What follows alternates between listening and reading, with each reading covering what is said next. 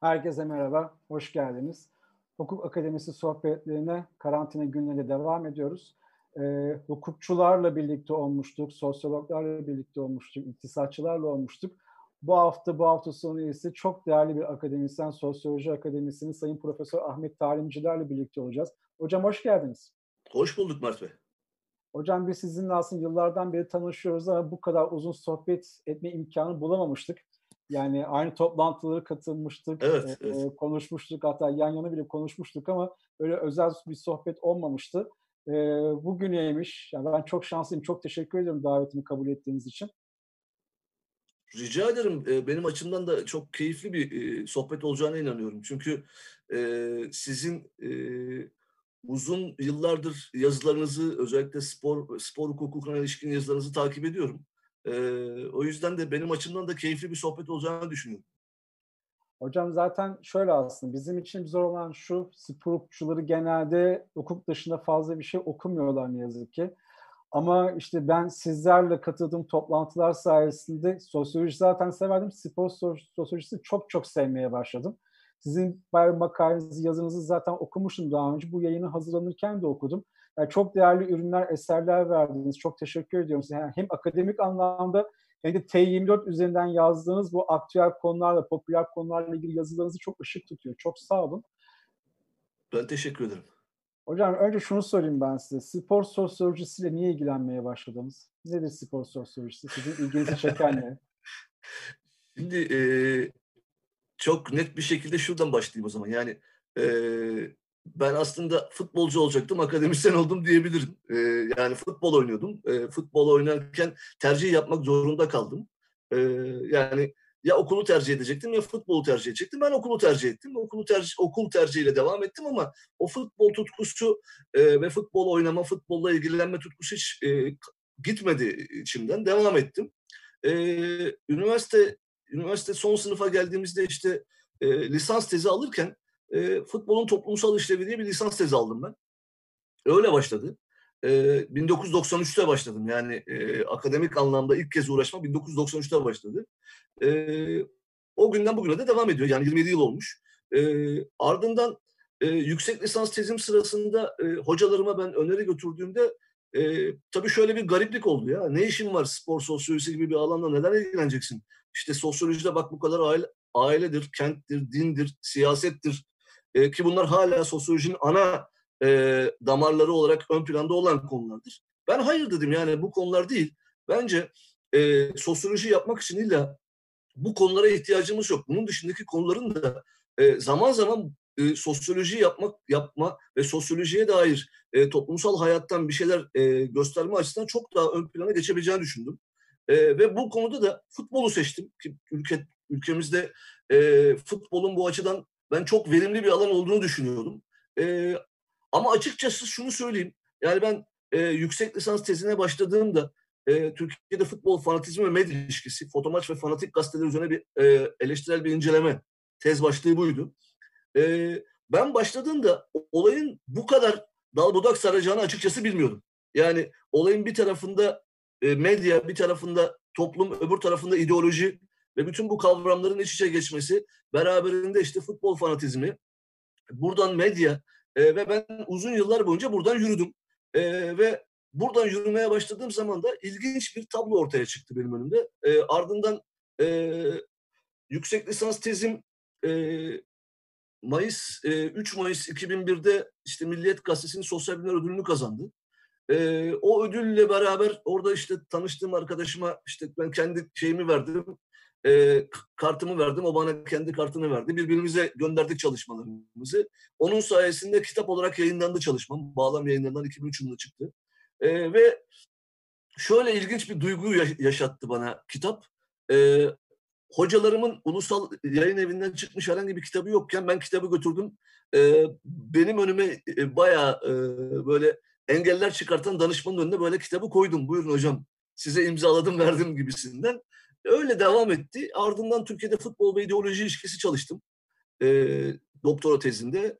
E, ve e, 2005 yılında ilk kez Türkiye'de sosyoloji bölümlerinde spor sosyolojisi dersini koydum. Ege Üniversitesi e, ders kataloğuna. E, ve 15 yıl boyunca da orada dersi verdim. E, spor sosyolojisi, spor medyası e, gibi dersler verdim. İletişim fakültelerinde spor medyası dersi verdim. E, spor yüksek okullarında, spor bilimleri fakültelerinde de spor sosyolojisi dersi verdim. Yani böyle bir e, anlamda bu şekilde bir giriş yaptım. Ama şu e, anlayışı hiç değiştirmedim ve hala da aynı noktadayım. E, özellikle az önce T24 dediniz. T24'te yazarken de e, yapmaya çalıştığım şey şu. E, içinde yaşadığımız toplumda futbolu, sporu farklı yönlerden göstermeye çalışmak. Yani e, o alışıldık klişe e, maç yorumları ya da olup bitenlerin böyle şu şunu dedi bu bunu dedi değil de e, işin toplumsal arka planını ortaya koyacak yazılar yazmak ve bu şekilde de tarihe not düşmek. Asıl derdim bu. Bir de Ahmet Hocam sizi aslında diğer akademisyenlerden, çoğu akademisyenden ayırt eden bir özelliğiniz de var. Siz sadece kitap, makale veya yabancı makale yazıp bunları sentezleyerek yayın yapan birisi değilsiniz. Sahadasınız. Evet. Ya taraftar grupları sizi çok iyi tanıyor. Çok saygı duyuyorlar size. Yani dün mesela işte duyuru yaptık. Yani öyle yorumlar aldım ki yani dedim çok iyi. Yani ben sizin adınızda gurur duydum açıkçası. Ve dedim, yani çok iyi bir hocayı davet ettim. Çok iyi oldu dedim. Ya taraftarlar, taraftar grubu size çok saygı duyuyor. E zaten İzmir'de de çok aktifsiniz. Mesela ben açık söyleyeyim. Ben sizin hangi takımı tuttuğunuzu bilmiyorum. Ama Boca, Buca Spor, Göztepe, Karşıyaka, Karşıyaka ile ilgili bir sürü araştırmanız var.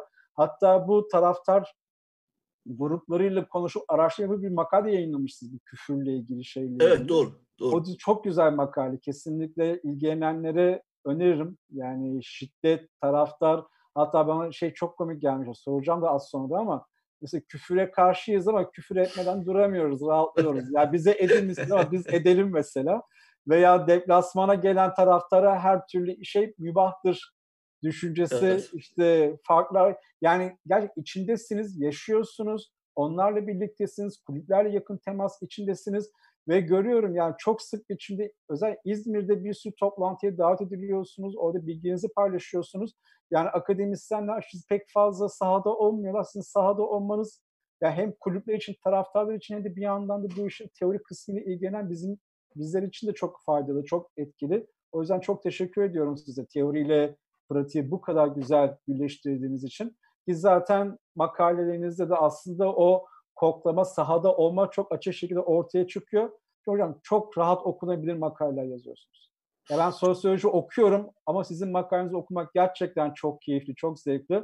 O yüzden tekrar teşekkür ediyorum size. Ee, tabii şimdi ben... bu kadar övdük. Zorlamaya başlıyorum hocam. Tamam, tamam o zaman buraya, buraya bir cevap vereyim. Ee, Buyurun. Şu, e, sahada olmak şu açıdan e, hoşuma gidiyor. E, yani taraftar arkadaşlardan, taraftarlardan bu e, cevapları duymak yani bu övgüleri duymak hakikaten hoş bir e, geliyor insana. E, ama ben şunu yapmaya çalıştığım için de belki e, taraftar e, taraftarlar bunun farkındalar. Bir sefer e, birazdan belki konuşuruz işte mesela şiddet konusu olduğunda ya da Türkiye'de futbola dair e, sorunlar gündeme geldiğinde biliyorsunuz hep günah keçisi olarak taraftarlar gösterilir.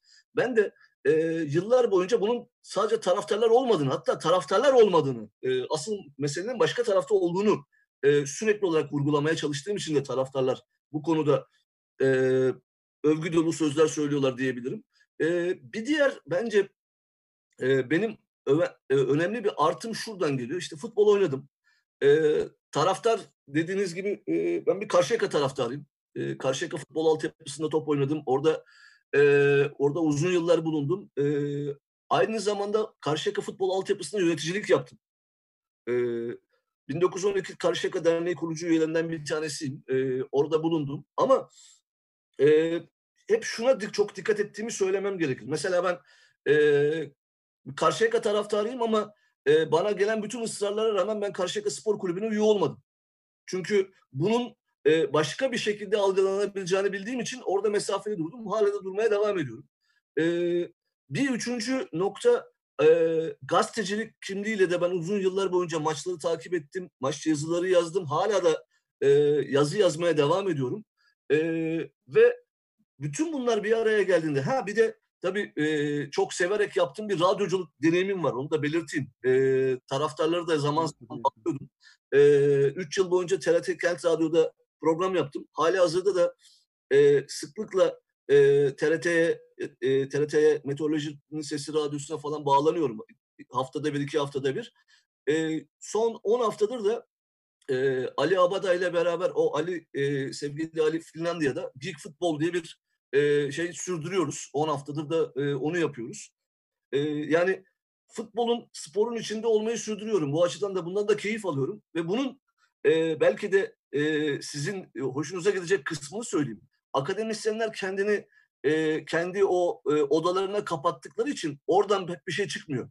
Bunun karşısında e, dışarıya doğru kendinizi attığınızda yani dışarıyla temas ettiğinizde asıl e, oradan bir şeyler geliyor ve insanlara daha fazla ulaşabiliyorsunuz. Ve sizin söylemiş olduğunuz e, kolay okunabilirlik meselesi de e, yıllar önce e, sevgili rahmetli dostum e, Cemcan Fanatik Gazetesi'nde fanatik sayfası yapardı. E, onunla e, bu sporun sosyolojisi kitabını yazarken e, bana verdiği özellikle söylediği şeydi bu.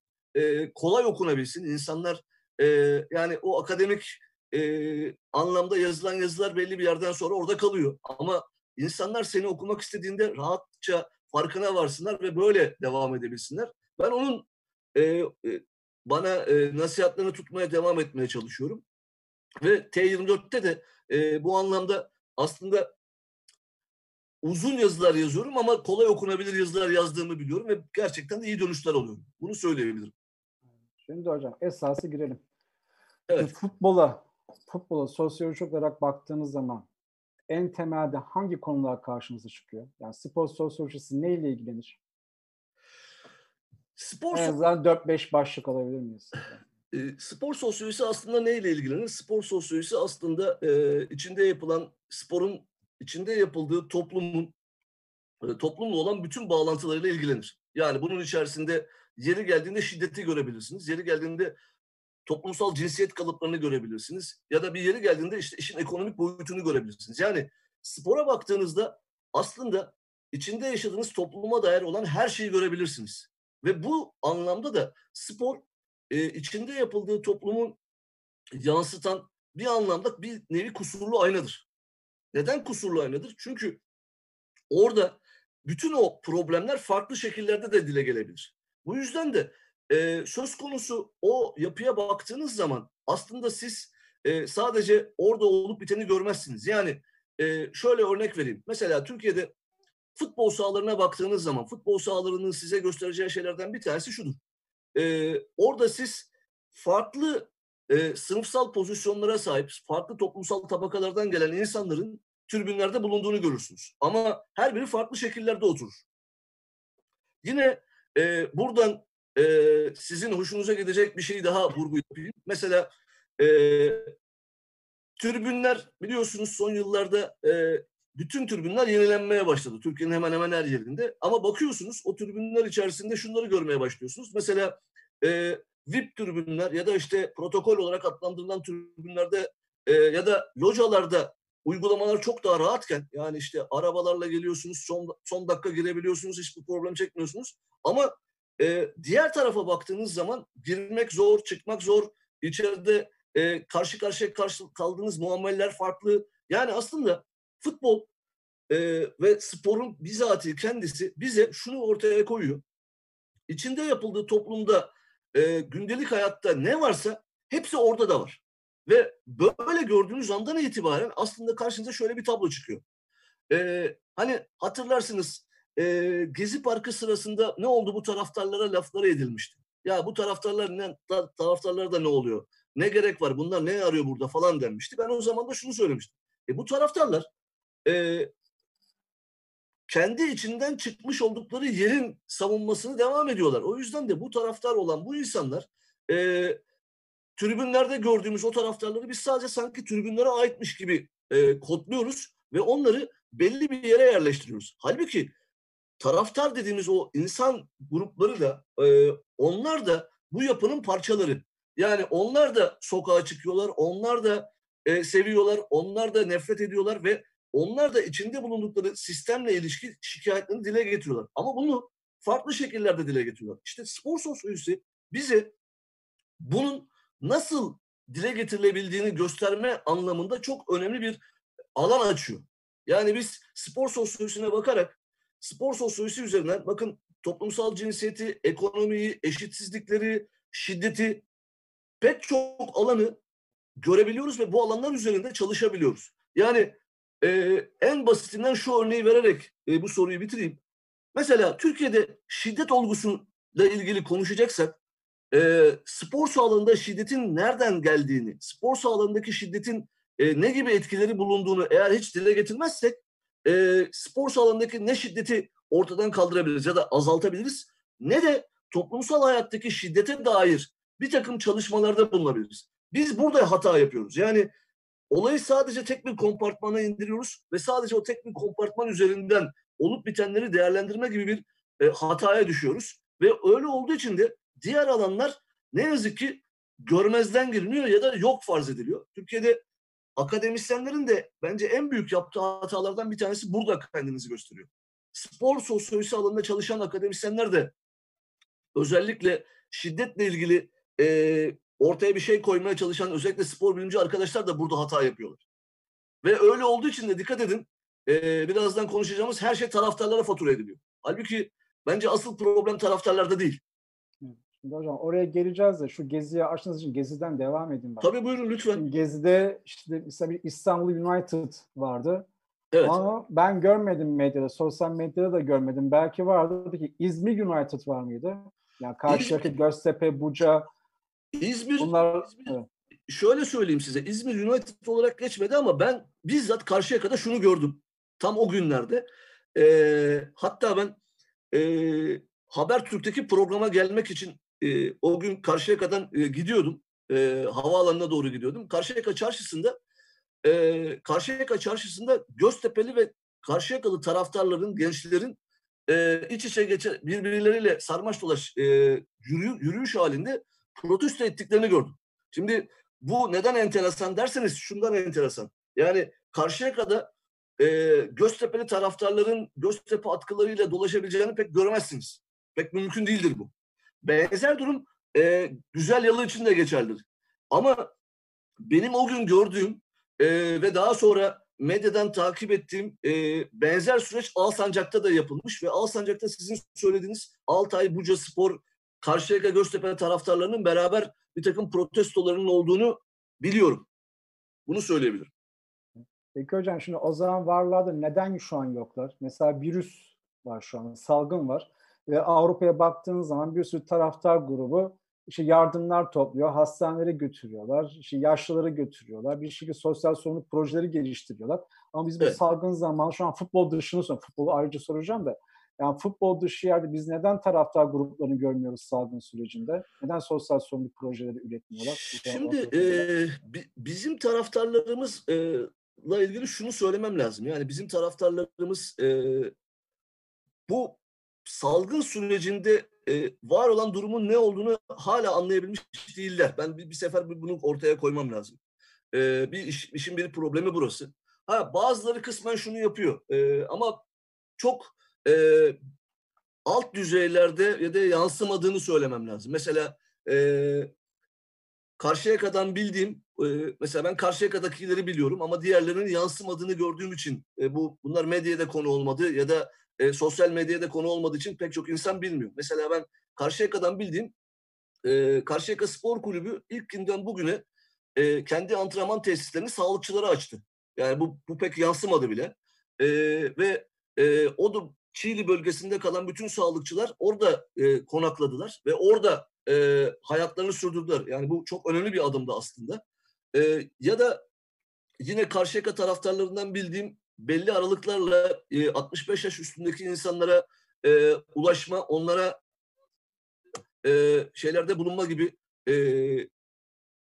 şeyler e, nasıl diyeyim e, onlara bir takım e, işte kargolar, bir takım e, ihtiyaç maddelerinin götürülmesi gibi etkinliklerde bulundular. Ama asıl mesele şurada. E, Türkiye'de taraftarlar belli başlı bazı alanlarda e, varlar ama çoğunlukla da yoklar. Şimdi burada biraz taraftarları da eleştirmemiz gereken noktalar var. Onlar da e, aslında şurada geliyor. E, ama bu eleştiri yaparken biraz kulüplerle de beraber yapmayı düşünüyorum. Yani şu açıdan beraber yapmayı düşünüyorum. Şimdi Türkiye'de kulüpler e, sadece sanki kendilerini e, birer spor kulübü ya da futbol kulübü olarak gösteriyorlar. Halbuki bu kulüpler aynı zamanda birer sivil toplum organizasyonu olmaları gereken e, noktadalar. Ve ben bunu bu pandemi süreci başladığında e, kulüplerin e, ya da Türkiye dünyada sporun nereye doğru gideceğini ve Türkiye'de spora ilişkin neler yapılabileceğine ilişkin birkaç yazı yazdım. Orada da özellikle gönüllülük konusuna vurgu yaptım. Ve burada e, taraftarların bu gönüllülük içerisinde daha fazla organize olmaları gerekiyor. Yani artık Türkiye'de taraftarların e, içinde yaşanan topluma dair tıpkı o gezi sürecinde olduğu gibi böylesi zamanlarda da mesela bazen depremde farklı zamanlarda bunu görüyoruz. Yani bir takım e, organizasyonlarda bulunuyorlar, yardımlar yapıyorlar ama bu süreçte siz haklısınız. Taraftarların sesi çıkmadı. Taraftarlar belki de bir araya gelip e, daha büyük organizasyonlara imza atabilirlerdi. Ki atmaları da gerekiyordu bence. E, şu vurguyu yaparak bu, bu sorunuzu bitireyim. E, ben Türkiye'de taraftarların artık şuradan uzaklaşması gerektiğinin altını çok uzun yıllardır çiziyorum. Giderek metalaşan bir oyun var elimizde ve bu oyun metalaştığı sürece taraftarların e, sahanın dışına doğru atılma süreci de hızlanıyor. Bu yüzden de e, eğer var olan bu yapıya sahip çıkmak istiyorsa taraftarların o takım formalarını üzerlerinden çıkarıp yani takım gözlüklerinden arınıp birbirleriyle diyaloğa girmeleri ve daha fazla e, ortak organizasyonlar düzenlemeleri gerekiyor. Yani işte sahalar değişiyor, sahalar ellerinden gidiyor, e, başka takımlar kayboluyor. Bir anlamda aslında tarih yok oluyor. Ve bütün bunlar yok olurken taraftarların daha fazla seslerinin çıkması gerekiyor. Daha çok e, bir arada birlikte dayanışma halinde bulunmaları gerekiyor. Belki de pandemi süreci bu anlamda önemli bir fırsattı ama ne yazık ki taraftarlar bunu kaçırdılar diyebilirim. Yani bir de bu işin futbol boyutu var mesela. Benim yani ben şaşkınlıkla izliyorum şu an olan biteni. Daha doğrusu olmayanı bitmeyeni şaşkınlıkla evet. izliyorum. Yani mesela şimdi iki unsur var, iki durum var. Bir, maçlar seyircisiz oynanacak tartışması hep vardı. Ya ben şimdi geçen haftaki karardan bahsetmeyeceğim. Yani ben bu hafta duyulan karardan. Bu karar, karar alınana kadar bir tartışma zaten vardı. Her halükarda seyircisiz oynanacak. Ve mesela taraftarlardan ben bir tepki görmedim. Tepki de şu, hayır seyircili oynansın değil. Yani seyircisiz oynanacaksa bir tehlike var kardeşim demek ki. Bu tehlike varken siz neden futbolcuları sahaya sürüyorsunuz? Yani en azından kendi kulübünün bile korumak için ben bir tepki beklerdim. Mesela bunun örneği de var. Fransa'da yüzlerce, gerçekten yüzlerce taraftar derneği, oluşum, platform bir araya geldiler. Çok uzun bir metin hazırladılar ve dediler ki bize yasaksa futbolculara da yasak olmalı. Yasak. Doğru. Futbolculara çıkmamalı. Futbolcular oynamamalı. Ve sadece futbolcular değil. Mesela onlar çok geniş bakmışlar tabii ki. Diyorlar ki kulüp çalışanlarını da korumak zorundayız. Kulüp çalışan ailelerini korumak zorundayız. Oradaki emniyet görevini korumak zorundayız. Stadyum görevini korumak zorundayız. Yayıncı kuruluşta çalışanları korumak zorundayız. Yani sonuçta en az bir bin kişi o stadyum çevresinde var. Ve şey örneği de var. Yani bugün az önce başka yayında söyledim. Örnek orada aklıma geldi. Yani yanında sigara içme değil olay. Yani sigara içti, kaptın, işte bir şekilde kanser olursun, başka bir şey olursun. Ama o sende kalır. Ama virüsü aldığın anda bir sürü kişiye yayılacaksın. Ve mesela işte Fransa dediler ki bize yasaksa futbolcular da oynayamaz. İşte bizde böyle bir tepki olmadı. Yani kulüplerin korumak için, futbolcuları korumak için işte sağlık sorunu olduğunu, genel bir kamu sağlığı sorunu olduğunu söylemediler mesela. Mesela bu tepkisizlik bana çok enteresan geliyor. Yani ya bizi alın ya bizi de alın veya maçlar oynanmasın demiyorlar. Veya en azından açık bir şekilde ne demek canım maçlar tabii ki oynanacak diyen grup da görmedim ben. Yani herkes sessiz bir konuda ve taraftarların asıl konuşması gereken futbol maçlarının oynanıp oynanmaması olmamalı mı? Burada e, doğru haklısınız. E, fakat şuradan bir giriş yaparsak daha mantıklı olacak gibi geliyor bana. E, Türkiye'de e, taraftar örgütlenmeleri özellikle bu büyük taraftar örgütlenmeleri biliyorsunuz 80'lerin sonunda başlayan yapıyla beraber başka bir tarafa doğru evrildi. Ve oradan sonra biz biliyorsunuz e, hemen hemen her takımda ön planda olan bir taraftar grubunu gördük. Ama burada ilginç olan husus şuydu. O taraftar grupları aynı zamanda e, yönetimle de doğrudan doğruya bağlantılıydı. Şimdi e, buradan biraz daha alandan bir deneyimimi aktarayım size. E, ben 10 yıl önce Türkiye'de e, futbol taraftarlık ve şiddet ilişkisi üzerine bir TÜBİTAK çalışması yürüttüm. E, ve o çalışmada dört tane takım Galatasaray, Fenerbahçe, Beşiktaş, Trabzonspor e, taraftarlı, taraftar gruplarıyla da görüştüm. Yani o dönem Ultra Aslan'la, Çarşı'yla, e, genç Fenerbahçelilerle, Trabzon'da üç tane, üç farklı taraftar grubu vardı. Hepsiyle, Trabzonspor taraftarlar genç Trabzonsporlar, hepsiyle görüştüm. Şimdi ilginç olan husus şuydu.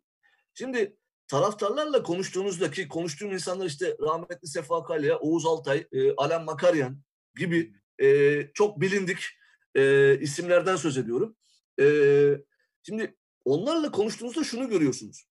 Bir sefer taraftar grupları e, içinde bulundukları o e, stadyum stadyumu ve stadyumun dışını öylesine bir e, şekilde e, çevrelemişler ki oraya başka hiç kimsenin girmesine izin vermiyorlar. Mesela biz şöyle bir soru sormuştuk Galatasaray e, Ultra Aslan grubundakilere. E, Mesela dışarıdan e, diğer taraftar gruplarından daha küçük çaplı taraftar grup işte tek yumruk farklı gruplar da vardı.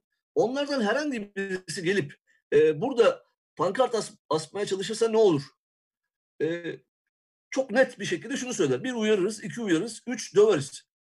Yani yerini yerine getiririz. Yani döveriz. Şimdi bu mantık e, beraberinde bakın taraftar grupları içerisinde de bir iktidar mücadelesini ve o iktidarın e, kendisini gösteriyor. Ve o iktidar şu şekilde devam ediyor. Şimdi az önce yine e, hani Gezi'den örnek verdiniz ya e, İstanbul United. Şimdi o İstanbul United lafları geçerken e, çok iyi hatırlayacaksınız. Her üç taraftar grubu da Galatasaray, Ultra Aslan'da, Çarşı'da, Genç Fenerbahçeliler de e, bizim bunlarla herhangi bir bağlantımız yoktur. E, biz devlet şeyin yanındayız açıklamalarında bulundular. Şimdi bakın bu aslında tesadüf değil. Çünkü taraftar grupları da o iktidarın bir parçası ve o iktidarın parçası olarak daha üst iktidarla yani öncelikle yönetimlerle iç içeler. Şimdi bunu bu bağlantıyı iyi anladığımızda aslında az önce sizin söylediğiniz taraftarlardan neden ses çıkmıyor meselesini de bir anlamda anlamaya başlıyorsunuz. Çünkü Türkiye'deki taraftarlar oraya bakıyorlar. Her taraftar grubu kendi taraftar grubunun başına bakıyor. Onlar ne derse onu e, uygulamaya başlıyor. Halbuki bir de bir reel gerçeklik var. O reel gerçeklik içerisinde de az önce sizin söylediğiniz gibi Türkiye'deki mesela maçların oynanması meselesi. Ya herkes şuradan bakıyor. E, o takım gözlüklerini bir türlü çıkartamıyoruz ve kendi takımlarının durduğu yerden bakıyorlar ve kendi takımlarının durduğu yerden baktıkları için de şöyle bir problem ortaya çıkıyor. Eğer kendileri e, şampiyonluğa adaysa ya da şampiyonluğa yakınsa mesele değil. Devam edelim. Ya da bizi şampiyon ilan edin. Ama değillerse e, ya işte bu olmaz şöyle yapalım böyle yapalım. Herkes bu taraftan bak yaklaşıyor. Oysa ki var olan genel anlamda az önce söylemiş olduğunuz gibi Fransa'daki gibi bir sorun. Yani eğer taraftarlar içeri giremiyorsa o zaman futbolcuların da oynamaması lazım. Oradaki e, yüzlerce insanın da orada bulunmaması lazım. Görevlisi, şoförü, e, işte top, top toplayıcısı, yığınla insanın da bulunmaması lazım. Ya da bunun da ötesinde bu insanların antrenmanlarda da bulunmamaları lazım. Şimdi çok aslında büyük bir yelpaze. Ve her şeyin böyle gerçekleştiği bir süreç içerisinde biz biliyorsunuz işte şöyle bir karar aldık. Şimdilik kaydıyla e, ligleri 12 Haziran'da oynatacağız. E, nasıl oynatacağımız belli değil. Yani bir şey olur mu? İnşallah olmaz. Yani inşallah ve maşallah üzerinden giden bir bakış açımız var. Durum bundan ibaret. Ama burada taraftarlar maalesef e, kendi ellerindeki gücü kullanmayı bence beceremiyorlar. Bunu da söylemek lazım. Peki hocam şey de var. Yani mesela sosyal sorumluluğa girmiyorlar ki bir güç bunu yapmıyorlar. Ee, işte futbolcuları ya da genel kamu sağlığı ile ilgili tepki göstermiyorlar. Hadi onu da anladım. Doğrudan onları ilgilendirmiyor çünkü. Ama bir yandan da taraftarları doğrudan ilgilendiren bir durum var. Nedir bu? Dijitürk aboneliği, evet. Dijitürk üyeliği. Ve işte maçlar yaklaşık iki aydır yapılamıyor. Siz de bunun hakkında yazdınız T24'te zaten. Yani maçta yayınlamıyorsan ücretini almayı biliyorsun. Şimdi aslında alamaz da yani şimdi bunun bir hukuki yolu var, yöntemi var. Çok da kolay bir yöntem. Ama mesela yine hiçbir taraftar grubundan hadi işte boykot edelim, baskı yapalım, şey yapalım, fesih edelim ya da ücret ödemeyelim bir şekilde e, şiddetsiz şiddet içermeyen bir eylem yapalım. Böyle çağrılar da yapılmıyor. Yani bu doğrudan cebinizle ilgili olan bir şey. Maddi ve de kişisel bir menfaatiniz var bu tepkide. Ama bu tepkiyi bile göstermiyorlar. Yani kendiyle ilgili bir olayda bile tepki göstermiyorlar. Mesela ben bunun sebebini gerçekten anlayamıyorum. Yani dediğim gibi şey yapmasınlar, sosyal sorumluluk projesine girmesinler. Peki, hatta zaten virüs var. Fazla da girip çıkmamaları lazım. Anlıyorum. İşte futbolcular, futbolcular kendi dertlerini düşünsün diyebilirler. Hatta bana o kadar çok tepki geliyor ki ben mesela yaklaşık bir aydan beri zaten hep yazıyorum. Yani ligler tescil edilse de iptal de edilse ne olursa olsun devamında ligler oynatılmasın. Ve bana şöyle tepkiler geliyor. Mesela şöyle diyenler var. Bu biz işe gidiyoruz. Futbolcular niye gitmesin?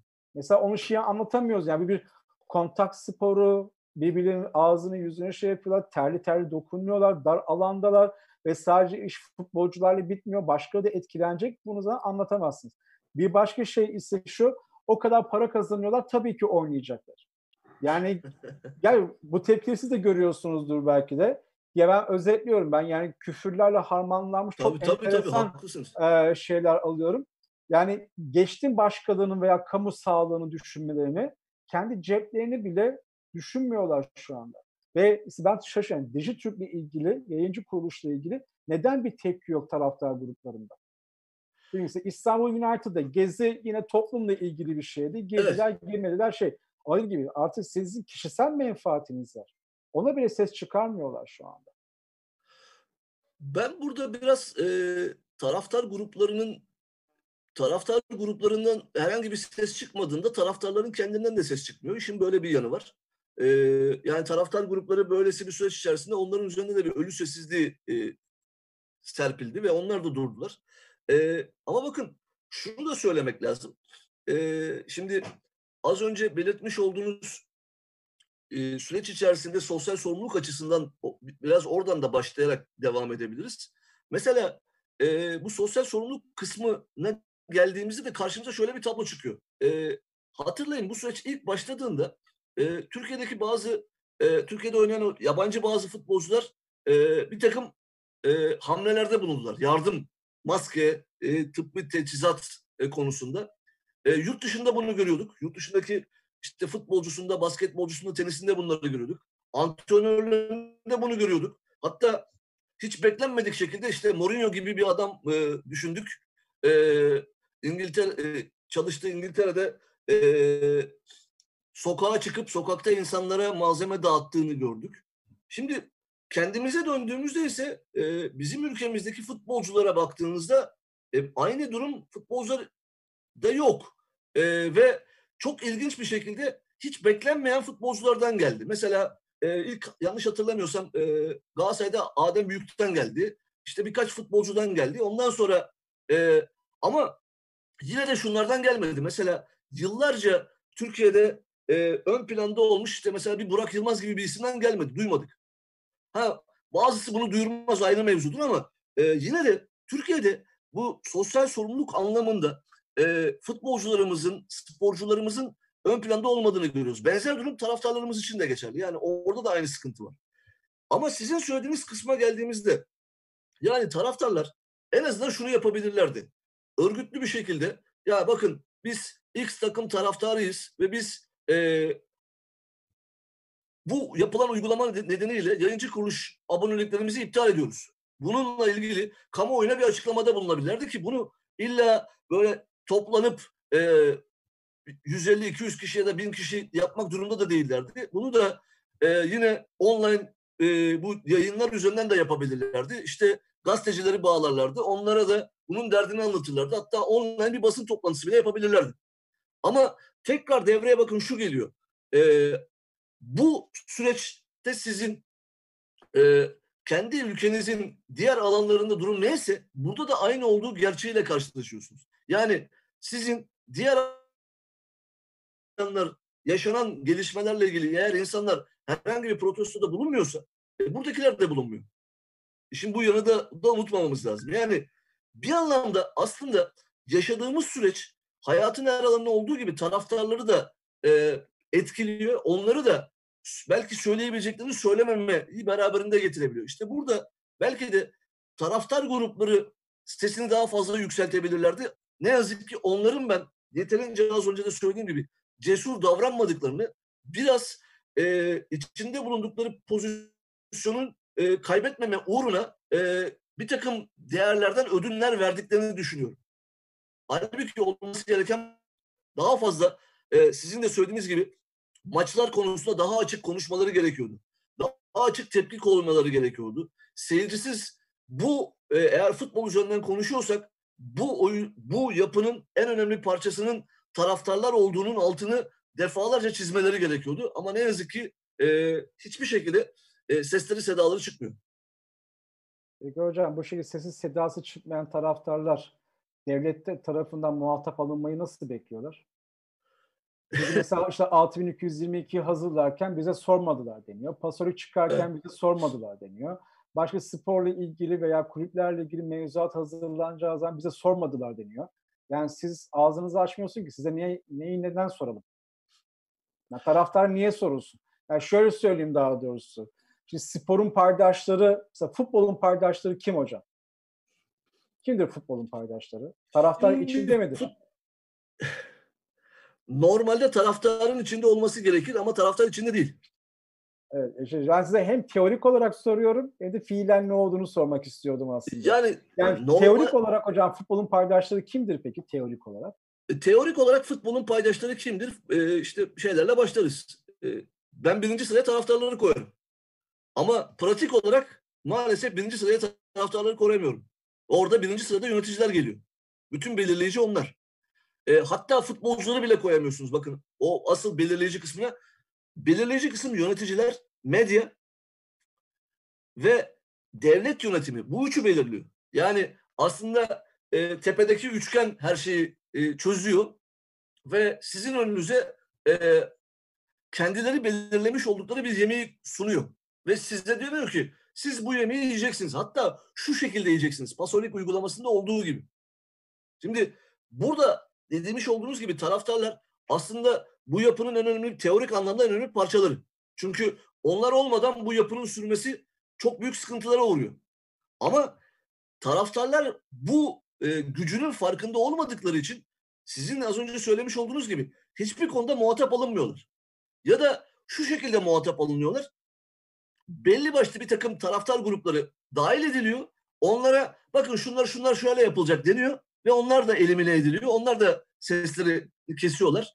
Ee, onların sesini kesmesinin nedeni de şu dediğim gibi e, içinde bulundukları o alanın onlarda kalması uğruna bu bunu vermiş oluyorlar. Ve böyle devam ettikleri sürece de taraftarlar e, mesela bir İngiltere örneğinde olduğu gibi kendilerini hiçbir zaman e, futbol federasyonunda orada bir temsilci, orada birinin bulunması, uygulaması gibi bir şeyi hayal bile edemezler. Çünkü bunun olabilmesi için sizin topyekün bir güç olarak e, diğer aktörlerin karşısına dikilmeniz lazım. Ve burada Fenerbahçelisi, Galatasaraylısı, Trabzonlusu olarak değil, Türkiye'deki taraftarlar olarak dikilmeniz lazım. Bunu başaramadığınız sürece siz gücünüzü yansıtamazsınız. Yani biz bilmem 25 milyon taraftarız, 50 milyon taraftar. Bu, bu, bunlar havacı var. Bunların hiçbir etkisi yok. Gerçek anlamda sizin e, bir ağırlığınız var mı ve bu ağırlığınızı birlikte yansıtabiliyor musunuz? Bu önemli olan. Bunu yansıtamıyorsunuz. Yansıtamadığınız sürece de siz e, söylemiş olduğunuz gibi gerçek anlamda pratikte kale alınmazsınız. Kale alınmadığınız için de hiçbir şekilde sizin e, sizin istedikleriniz gerçekleşmez ya da bu konuda pazarlığa bile giremezsiniz. Maalesef giremezsiniz. Ve Türkiye'de taraftarlar da giremiyor. Peki hocam şöyle diyeceğim. Güçlü mü farkında değilse güçleri mi yok? Belki güçleri yok zaten. Farkında olacak bir güçleri yok zaten. Yani şöyle soracağım size. Mesela ben e, taraftar gruplarına baktığım zaman aralarında yüksek yani üniversite mezunu kişiler var, avukatlar var, yöneticiler evet. var. Ve yani bundan mesela çalıştıkları şirkete bu şekilde çalışmazlar. Yönettikleri şirketi bu şekilde yönetmezler. Ya bir şekilde mesela şey de var. Çoğu yani büyük taraftar grubu hatta İzmir'de de var 2-3 grup. Yurt dışı bağlantıları var. Evet doğru. Yani toplam Fairnet'e katılıyorlar, supporters şeyi katılıyorlar falan. Peki ben şunu anlamıyorum. Orada görüyorlar bazı şeyleri. Gördükleri niye burada uygulamıyorlar? Yani mesela ki o e, pasif durumun bir açıklaması olması lazım. Yani kullanmaktan özel bir imtina ediyorlar belki de. Ve dediğim gibi özel yabancı dil bilen, belli bir eğitimi olan, üst düzey çalışan yani bu işçi de işçi olarak da yani bir yere bağlı olarak da çalışabilir, iş sahibi de olabilir, bağımsız çalışan da olabilir. Bunlar da taraftar derneklerinde veya gruplarında. Ama dediğim gibi dışarıda o toplantıda neler konuştuklarını görüyoruz. Ya diyorum bari birini yapın. Yani 20 tane projeden bahsediyoruz. Burada bir tanesini biz görmüyoruz. Ve şey de var yani elinizin altında sosyal medya varken büyüklerin rızasını, büyüklerin desteğine ihtiyacınız var mı acaba? Yani bir fark yaratmak için illa ya okyanus olmanız gerekmiyor ki sizin. Tsunami yaratmanız da gerekmiyor. Yani küçük bir şey yaparsanız çevrenize etki olur.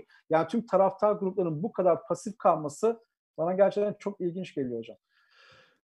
Ben bunu biraz şuradan e, şuna benzetiyorum. Yani e, içinde bulunduğunuz e, durumdan etkilenirsiniz. İçinde bulunduğunuz yapı, yani sizin almış olduğunuz o kültür sizi şekillendirir. İsteseniz de istemeseniz de. Hani e, o İbn Haldun'un meşhur lafıdır. İnsan babasının değil alışkanlıklarının çocuğudurlar. Şimdi e, Türkiye'deki taraftarlar da her ne kadar sizin söylediğiniz gibi bir yerlere gidiyorlar, onlar geliyor, onlarla irtibat halinde olsalar da belli bir yerden sonra yine bu yapının ürünleri ve bu yapının ürünleri olarak da e, bu yapının onlara dayatmış olduğu ya da onlara vermiş olduğu e, anlayışı kullanmak ve o alışkanlıklar içerisinde yani kendi e, o rahat e, alanlarından çıkmamak gibi bir e, durumla karşı karşıyalar ve bunu uyguluyorlar. Şimdi haklısınız. Ben e, sizin söylediklerinize sonuna kadar katılıyorum. Yani bu, bütün bu söylediklerinizin altına imzamı atarım. Çünkü e, gerçekten de taraftarların e, içinde bulunduğumuz bu yeni e, gelişmeler karşısında yani son 10 yıl içerisinde e, tüm dünyada taraftarlar aslında bir anlamda e, bir benzetme yapacak olursak mevzi kaybettiler. Ama buna dünyadaki taraftar grupları farklı şekillerde karşılık vererek en azından kendi alanlarını tekrar geri kazandılar ya da kazanmaya çalışıyorlar. Şimdi bizde ise adım adım kaybediyorlar. Ve hala kaybettiklerinin işte benim gibi söyleyen insanlar var, benim gibi sizin gibi ama onları da dinlemiyorlar. Ve gerçekten şöyle bir durum söz konusu. Israrla ben şunu belirtiyorum. Diyorum ki bakın e, yeni stadyumlarla beraber aslında siz şunun farkında değilsiniz. Yeni stadyumların yapılması demek. Yeni stadyumlar güzel. Yapıldı. Daha lüks, daha rahat gidiyorsunuz. Tamam. Ama e, yeni stadyumlarla beraber e, her seferinde sizin oraya gelen e, arkadaşlarınızın bir grubu gelememeye baş, başladı. Bakın işin ekonomik boyutu var. Ekonomik boyutla beraber taraftar tipolojisi değişiyor. Bunun farkında mısınız? Hayır değilsiniz. İki, şunlar değişmeye başlıyor. Hayat yavaş yavaş değiştiriyor sizi. Ama bütün bunların karşısında siz hala ısrarla e, kendi takımınız üzerinden, e, kendi davanız üzerinden var olduğunuzu zannediyorsunuz. Halbuki burada bu davayı eğer siz diğer takımları da bu yapının içerisine katmadığınız sürece bu yapıyı sürdüremezsiniz. Ve bu yapı öyle ya da böyle sizi bu dalga sizi alıp götürüyor. Ve bu anlayış üzerinden ilerleyen aşamalarda Türkiye'de taraftarlar daha da ka- mevzi kaybedecekler. Daha da fazla kaybetmeye mahkumlar. Çünkü daha netleştireyim. Türkiye'de taraftarlar aslında gerçekten e, taraftar olmanın sadece ve sadece e, belli zamanlarda maça gitmek, gelmek, kafaya işte bağırmak, çağırmak, küfür etmek bununla irtibatlandırıyorlar. Ve şekilsel anlamda başarıyla özdeşleştiriyorlar. Halbuki taraftarlık bunların çok daha ötesinde bir şeydir. Yani taraftarlık diye baktığınız kavram sizin kendi kişisel kimliğinizin önemli bir parçasıdır. Ve o kimlik aynı zamanda diğerleriyle bağlantı halinde kurulur.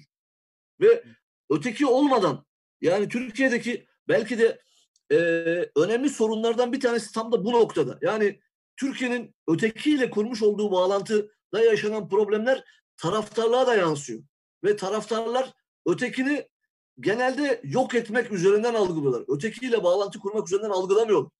Yani burada biraz daha e, spordan çıkıp daha sosyolojik, daha felsefi bir tarafa da taşınmaya çalışıyorum. Yani böyle baktığınızda bir, bizde başka bir problem var. Şimdi hocam siz sporun siyasetle, siyasetin sporla ilişkisi hakkında da bayağı bir yazdınız, çizdiniz, konuştunuz. Şimdi çok az vaktimiz kaldı, 10 dakikamız kaldı sadece ama çok merak ettiğim birkaç soru var. Onları sorayım bununla ilgili. Tabii buyurun. Şimdi tersten başlayayım. Siyasetin spor etkisi değil de sporun siyasete etkisi olabilir mi? Şimdi biz her seçim sürecinde veya daha da önce taraf siyasetçiler bir şey söylüyor. Taraflarlar diyorlar ki sandıkta görüşürüz. Ama ben hiç böyle sandıktan bir taraftar etkisi görmedim. Ve hatta özel benim, benim komiğime giden bir olay var. Bu şike sürecinde örneğin işte bir şey siyaset de işin içine girdi ve işte Trabzonspor alamadı kupayı ve o zaman sosyal medyada esip görüldüler. Yani işte sandıkta görüşürüz, sandıkta görüşürüz. Trabzon'da AKP yüzde 65 çıkardı. Şimdi bu sandıkta görüşürüz ne kadar ciddi, ne kadar dikkate alınır bir söylemdir. Bu olabilecek bir şey midir? Taraftarlar siyasete etki edebilir mi? Siyaset zaten ediyor da taraftar edebilir mi peki siyasete etki? Sandıkta görüşürüz e, lafı e, taraftarların e, kendi kendilerini kandırmadan öteye gitmediği bir slogan e, olarak e, Türk futbol tarihinde ve belki de Türkiye'deki e, demokrasi tarihinde yerini almıştır. Yani sandıkta görüşürüz lafı hatırlarsanız ilk kez e, Mesut Yılmaz için Fenerbahçe taraftarlar e, söylemişti. Oradan başladı, oradan bu yana da devam ediyor ama e, hali hazırda ben bir etkisi olduğunu görmedim. E, etkisi olacağını da zannetmiyorum. Çünkü gene geliyoruz. E, yani taraftarlar bunu söylemesine rağmen bir de işin diğer kısmı var. Yani taraftarların içinde yaşadığı kente dair, içinde yaşadığı ülkeye dair kendi algıları söz konusu ve o algılar bir araya geldiğinde bunlar örtüşmeme çoğunluk çoğu kez örtüşmüyor. Yani bunlar örtüşmediği noktada da taraftarların bütün bu söylediklerinin bir etkisi kalmıyor. Çünkü yine asıl az önce söylediklerimizle bağlantılı olarak eğer siz topyekun bir kuvvet olarak orada durmuyorsanız o zaman e, sandıkta görüşürüz lafı sadece e, bir tebessümden ibaret kalıyor. İnsanları tebessüm ettiriyor o kadar. E, verdiğiniz örnek de bunu ortaya koyuyor. Yani Trabzonsporlar e, şampiyonluk istediler. Şampiyonluk onlara verileceği gibi bir e, şey yaratıldı. E, böyle bir anlayış e, yaratıldı ama sonuç itibariyle ne şampiyonluk geldi ne de e, var olan durum e, değişti. Aynen duruyor ve bu tartışmaları aslında yaratmaktan başka bir işe yaramıyor bu durum. Peki hocam siyaset spora karışmasın diyorlar. Bu gerçekçi bir şey mi? Yani spor siyasetten ayrı olabilir mi? Şimdi tarihin en eski iki tane kurumundan bahsediyoruz. Spor ve siyaset. Bunların birbirine karışmaması gibi bir şey söz konusu değildir. Yani Türkiye'de hep şu laf edilir ya camiye, kışlaya ve e, spor sahasına siyaset karıştırılmasın. Yani bugünkü konumuz cami ve kışla ol, e, olmadığı için onlarla ilgili bir şey söylemeye gerek yok ama ben e, bizi dinleyenler için en net söyleyebileceğim şey şu. Bu üçü de Türkiye'de siyasetin en çok karıştığı, en çok içli dışlı olduğu alanlar olduğunu gayet iyi biliyoruz. Yani tarihsel süreç içerisinde o kadar çok örnek yaşadık ki. Şimdi e, spor kısmına geldiğimizde yani bunun e, hiçbir zaman olmadığını ve hiçbir zaman da olmayacağı gerçeğini unutmamamız gerekiyor. İşte yine bunun en alt seviyeye indirilebilmesi için e, sivil yapının yani sivil toplum dediğimiz organizasyonun güçlü olması ve o organizasyonun siyaseti kendi mecrasına doğru itmesi gerekiyor. Bunu başaramadığınız sürece siz istediğiniz kadar karışmasın değil karışacaktır. Ve tabii bir de e, unutmamamız gereken bir taraftan da e, birileri karışmasın derken aslında karışsın diye dua ediyor ya da karışsın diye daha fazla talepte bulunuyor. Bir de işin bu tarafı var. Özellikle yöneticiler. Mesela hocam şey soracağım. Siyaset olmadan e, spor kulüplerinin yaşaması mümkün mü? Siyasetin desteği. Şöyle örnekler vereyim. Mesela işte otopark işletmesi veriyorlar, hal işletmesi veriyorlar, marine işletmesi evet. veren bile var aralarında. Evet. Veya doğrudan doğru mesela maliye spor var, emniyet gücü var. Yani devlet zaten sporda kulüplerle mücadele ediyor. Ee, bazı kulüpleri belediyeler tarafından verilen taşınmazlar var. Valiliklerin verdiği taşınmazlar var. Yani bu şekilde birilerine verilirken birine verilmiyor ve verenler acaba vermeyi kesebilir mi? Daha doğrusu alanlar ya bana artık verme diyebilir mi? Sondan başlayayım. Alanlar bana verme demez daha fazla ver diye e, talepte bulunur. E, çünkü Türkiye'de siyasetin e, yapılanması da bunun üzerine kuruluyor. Yani siyaset Türkiye'de e, belli var olan bir takım e, kaynakların kendi istedikleri doğrultuda dağıtılmasından ibaret olarak algılanıyor. Yani burada kamuoyu etkisi, burada e, var olan bütünü kapsayacak olan bir e, değerlendirme ve buna göre kaynakların aktarılması söz konusu olmuyor. Yani kendi istedikleri şekilde dağıtma anlayışı gündeme gelmeye başlıyor. O yüzden de e, hani çok bilindik bir laf vardı da e, herkes siyasette kendi sırasını bekliyor. Kendi geldiği zaman kendisi o e, paydan e, bir şekilde almayı arzuluyor. Bunu arzuladığı için de Türkiye'de bu yapı değişmez. Değişmiyor. Çünkü herkes e, devletin malı denizde demeyen domuz o mantığı üzerinden yürüyor. Yürümeye de devam ediyor. Şimdi burada e, spor kulüpleri de e, bu yapının sürmesini istiyorlar. Çünkü sürmeden kendilerini devam ettirebilme gibi bir yani kendi ayakları üzerinde devam edebilme şansları maalesef yok. Bunu organize bile etmiyorlar. Yani bugün Türkiye'de devlet e, desteğini çeksin, Süper Lig'de dahil olmak üzere Türkiye'de spor çöker. Yani çok net bir şekilde çöker. Çünkü Türkiye'deki bütün yapı bunun üzerine kurulmuş vaziyette. Ve herkes buradan nemalanıyor. Spor kulüpleri de nemalanıyor. Oradaki belediye başkanları da, bakanlar da e, herkes buradan nemalanıyor. Ama herkesin nemalandığı bu yerde sistem e, sistemin işlemediğini aslında herkes görüyor. Yani e, o e, Leonard Cohen'in söylediği herkes geminin su aldığını biliyor aslında. Biliyor ama e, ama ne kadar devam ederse o kadar iyidir deyip e, benden sonrası tufan mantığıyla devam ediyor. Bu yüzden de Türkiye'de spor özellikle de futbol sürekli olarak krizden krize koşmaya devam ediyor. Bunun ortadan kaldırılmanın yolu az önce sözünü etmiş olduğum gibi gerçek anlamda e, sizin içinde yaşadığınız ülkede o sivil toplum anlayışını kurgulamanız bunu hayata geçirmenizden geliyor ama e, maalesef böyle bir kültürden gelmiyoruz. Böyle bir kültürden gelmediğimiz için de bunu hayata geçirebilmemiz pek kolay gözükmüyor. Şimdi hocam biz yayını Instagram'da da bağlantılı yaptığımız için bir saati geçemiyoruz. Ve iki tane büyük başlık var aslında benim size sormak Spor ve medya ve sporda şiddet. Ya onları şu an soramayacağım. Ben sizden söz alayım. Ee, yani hafta veya hafta içi veya hafta sonu bir şekilde biz sizinle birkaç yayın daha yapalım. Hatta ben... doğrudan başlığımızda bir bir gün sporda şiddet yapalım, bir gün spor ve medya yapalım. Çünkü her konuyla ilgili en az 10-15 sorun var size. Sizin zaten yani tezi de yazmışsınız. Yani sizi ben bıraksam zaten konuşursunuz kaç saat. Ee, ama işte süre yetmiyor. O yüzden sizin için de uygun soracağım. Dediğim gibi ben sizden söz alayım. Gelecek haftalarda hatta bu programı fragman sayalım. Çünkü mesela şey de var. ha çünkü kadından da bahsetmiştiniz. Mesela hocam yani hegemonik erkeklikten bahseden kaç tane erkek akademisyen var bilmiyorum. Ya sırf Doğru. hegemonik erkekliği bile ben sizinle konuşmak isterim, tartışmak isterim. Tamam, yani tamam. futbolda kadın, biz bunu Pınar Hoca ile, Pınar Öztürk Hoca ile konuştuk ama bir yandan da bu işte bir Pınar, erkek... E, Pınar, Pınar, e, Pınar Hoca'nın e, ben e, tez izleme komitesi tezindeki hocalar tabii tabii tabii ben Pınar'ı Pınar'ın o tezinin gelişme sürecinde epey bulunanlardan biriyim yani o yüzden çok iyi biliyorum. Yani Pınar Hoca'ya çok güzel iki yayın yaptık. Uygun evet. olursa yapmaya devam edeceğiz ama sizinle de yani erkeklik, hegemonik erkeklik. Tabii tabii. Ondan ben... sonra işte racon kesiyorlar, maçoluk ve bu sadece tribünde değil, yönetimde de var, sahada da var. O yüzden şimdi spor ve medya, spor ve kadın spor ve e, erkeklik, sporda şiddet bu konularla ilgili sizinle yayınlar yapalım.